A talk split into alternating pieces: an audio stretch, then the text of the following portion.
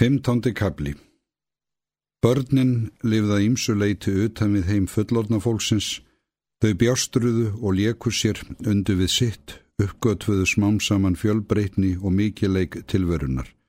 Förðuðu sig á hinnum ímsu leindarmálum hennar og horðu til framtíðarinnar í spurn og eftirvæntingun.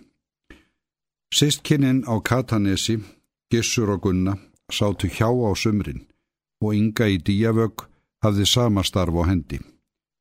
Hjásetan var hægðarleikur og þær er löndi jarðana lágu saman hittus börnin dag hvern. Fríða í koti gætti líka þessara fáu kinda sem móður hennar átti. Ólöf fekk lánaða beit hjá Haldóri svo að Fríða satt hjá á sömu slóðum og hinn börnin. Var hún oft með þeim og lagði einhverjum lagsitt við gunnu, þær urðu óaðskiljanlegar vinkonur. Annars var Fríða litla einræn og undarleg, forðaðist fólk og var styrtu mál. Í hóp þessara fjórmenninga bættist svo Ragnar Samúlsen sem var frjálsferðarsinna og gerða og ævintýraprins inna barnana. Ragnar átti heima í skrautlegum stofum og gatt gengið um búðina þegar honum síndist, þurfti aldrei að dýfa hendinni í kallt vatn, fekk eins mikið af salgæti og hann gatt í sig látið, var alltaf í nýjum og fallegum fötum og auk þess fættur í Danmörku. Hins vegar kom sjaldan fyrir að Kamila litla sýster hans leki sér með hinnum börnunum. Hún var holdug og þrifleg náka, blíðlind og hæglátt og lítið gefi fyrir útileiki og uppáttæki hinna. Oftast var hún með fullorna fólkinu og börnum pressins sem þó voru eldri en hún og það kom yðurlega fyrir að hún væri á pressetrinu frá mornin til kvölds og kem ekki einu sinni heim að borða. Ennfremur var hún hændað kripplingnum sem hinn börnin höfðu ímygust á. Hún hafði stór og þunglindisleg augu eins og fadir hennar og var mjög lík honum í lund. Hún var líka eftirlæti hans og faktorinn gatt spjalla við hana tímunum saman þegar þau voru einn. Þau fóru stundum langar gönguferðir, oftast inn á milli hæðana, þar sem var vinalegt umhverfi, er myndi á áttaga Samuelsens úti í Danmörku. Faktorinn var ávalt haldinn heimþrá og það var hans mesta endi að reyka þarna um í fylg með dóttur sinni og segja henni frá Danmörku, þessu fagra, fjarlæga landi þar sem hann var borin og bartfættur. Þau ráðgerðu margt um framtíðina en myndust aldrei á neitt að því við salvuru. Þegar Kamila litla væri orðin stór ætlaði faktorinn að fá sér stöðu í kaupmannahöfn og þá flyttu þau öll heim. Þetta var dýrmætur framtíðar draumur sem hann huggaði sig við þegar heimþráin kvaldi hann mest. Þess vegna fór hann alltaf undan í flæmingi þegar Salfur færði það í tal að hann ætti að kaupa veslunina. Hann vildi ekki eiga hana, þóð honum var í gefin hún, því að þá erði hann að dveljast til æviloka á þessu auðnarlega landi innan um þetta einkennilega fólk sem hann botnaði ekkert í. Þá vildi hann heldur vera annar á þjóttn ef skeð gæti á þónum gæfist einhver tíma kostur á að flytja heim og eigða æfikvöldinu þar sem vakka hann stóð. Fyrir kom að börnin sæju til þeirra feðginina inn á milli hæðana því að ánum var einmitt haldið til beitar á þessum slóðum. En þau gættu þess að verða aldrei á vegi faktorsins og kamelu litlu, þau báru óttablandna virðingu fyrir þessum volduga manni og dóttur hans. En um Ragnar var öðrum ála gegna því að þótt hann væri þegjendalegur og óþjáll heima fyrir leik hann strax á allsótti þegar hann var komin út til leiksistkina sinna. Oft réðan alls ekki við sig, réðist í hvað sem var og virtist óþreytandi. Hann og Gunna voru venjulega forsprakkarnir, gissur og fríða hlítu þeim í blindni en ynga í díavög fór sínu fram þegar henni böði svo við að horfa. Inga Jónsdóttir fór alltaf sinna ferða Hún var þögul án þess að vera döggerð og einþykk án þess að vera þrjósk. Hún hafði engin orðum það ef hún var á öndverðu með við hinbörnin en satt við sinn keip.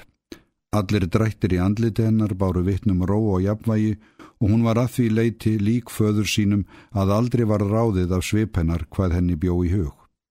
Yfir henni var hreinleiki og indistokki æsku og hreisti en hún var kuldalegi framkomu og virtist tilfinningalös og ónæm fyrir áhrifum eins og jörðin undir fótum hennar.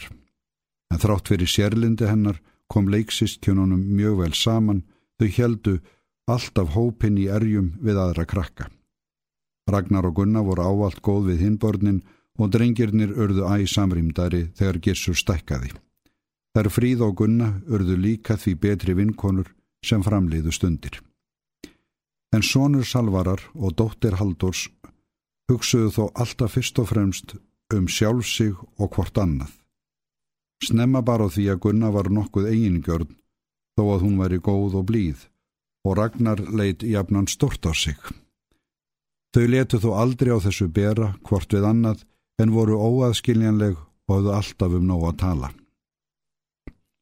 Aftur á móti hafði jafnan verið grund á því góða millir gissurar og fríðu og þó að þau ættu ekki neinum útistöðum leindi sér ekki að þeim var í nöp hvort við annað. Fríðalitla varð mest útundan af börnunum þó að hún þarnaðist vinóttu annara fremur en okkur tinna. Þærið hún var viðkvæm og dálítið þunglind. Inga Jónsdóttir var sjálfur í sér nóg og gissur gatt undað tímunum saman eitt síns liðs án þess að láta sér leiðast.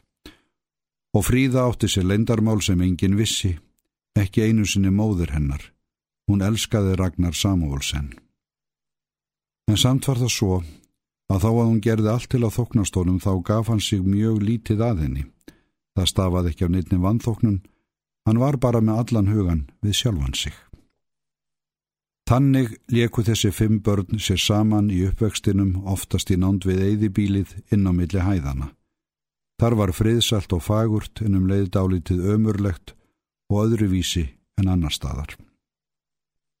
Skuggsýnt var og svalt í hrörlegri baðstofunni þó að sumar væri en þá var hei í vegförstum rúmunum og af því var einkennileg fúkalegt. Börnun hafðu góðan tíma til að leika sér í hjásetunni. Þegar rigning var sátu þau inn í baðstofu og sögðu hvert öðru ævintýri og draugasögur tanga til öll voru orðin lafrætt nema ynga. Hún hrættist aldrei neitt. Þau hefðu mörgu frá að segja. Katanesbörnin hefðu lært ótal sögur og vísur af loppugömlu þegar þau sátu við kólun á dimmum vetrarkvöldum. Fortsögunum voru þau nákunnug og eins þjóðsögunum því að Haldur las venjulega upphátt fyrir heimilisfólkið á kvöldvökunni. Og svo voru börnin handgengin sögunum að þau örðu þáttur í leikum þeirra á lífi. Þau lifðu þetta allt upp í huganum þarna í hjásetunni. Ragnar var alltaf kongsónurinn og Gunna kongsdótturinn sem frá var sagt í ævintýrunum. Stundum þóttu strengirnir vera vikingar og hetjur í fornöld og þá voru telpurnar konur þeirra. Börnin lifðu í nánu samfélagi við náttúruna allar árstíðir, á vorin byrti yfir hugum þeirra en svo sveipuðust þeir svölum skuggum á höstin þegar stormar geisuðu og löður kvítir sjóur, risu á viðfæðma sænum og myrkar nætur grúði yfir byggð og fjöllum, uggvænlegar og ógnandi. Þá var hættulegt að vera á ferli úti við fyrir litla drengi og stúlkur. Tröll og óvættir sátum þau í myrkrinu og vofur og draugar sveimuðu erðarlaustum auðnirnar. Hér og þar voru álagsteinar og ófærugíl sem forðast varð þegar dimma tók. Sömuleiðis voru í sjónum fegðarbóðar og álagamið sem þjóðtrúin hafði líst í bann öld fram af öld. Eitt slíkur fegðarbóði var rétt utan við, tröllið, og þar átt að stranda frönsk skúta á 20 ára fresti. Allt þetta var heilagur sannleikur og raunveruleiki í augum barnana eins og dagur og nótt og tilveran umhverfist þau. Þarna var nú til að mynda tröllið Loppa gamla sagði að það hefði einu sinni verið tröllkarl sem lengi átti heima úti í vestmannegjum. Hann óði land einu sinna nóttu til og fylti póka sinna á óþekkum krökkum.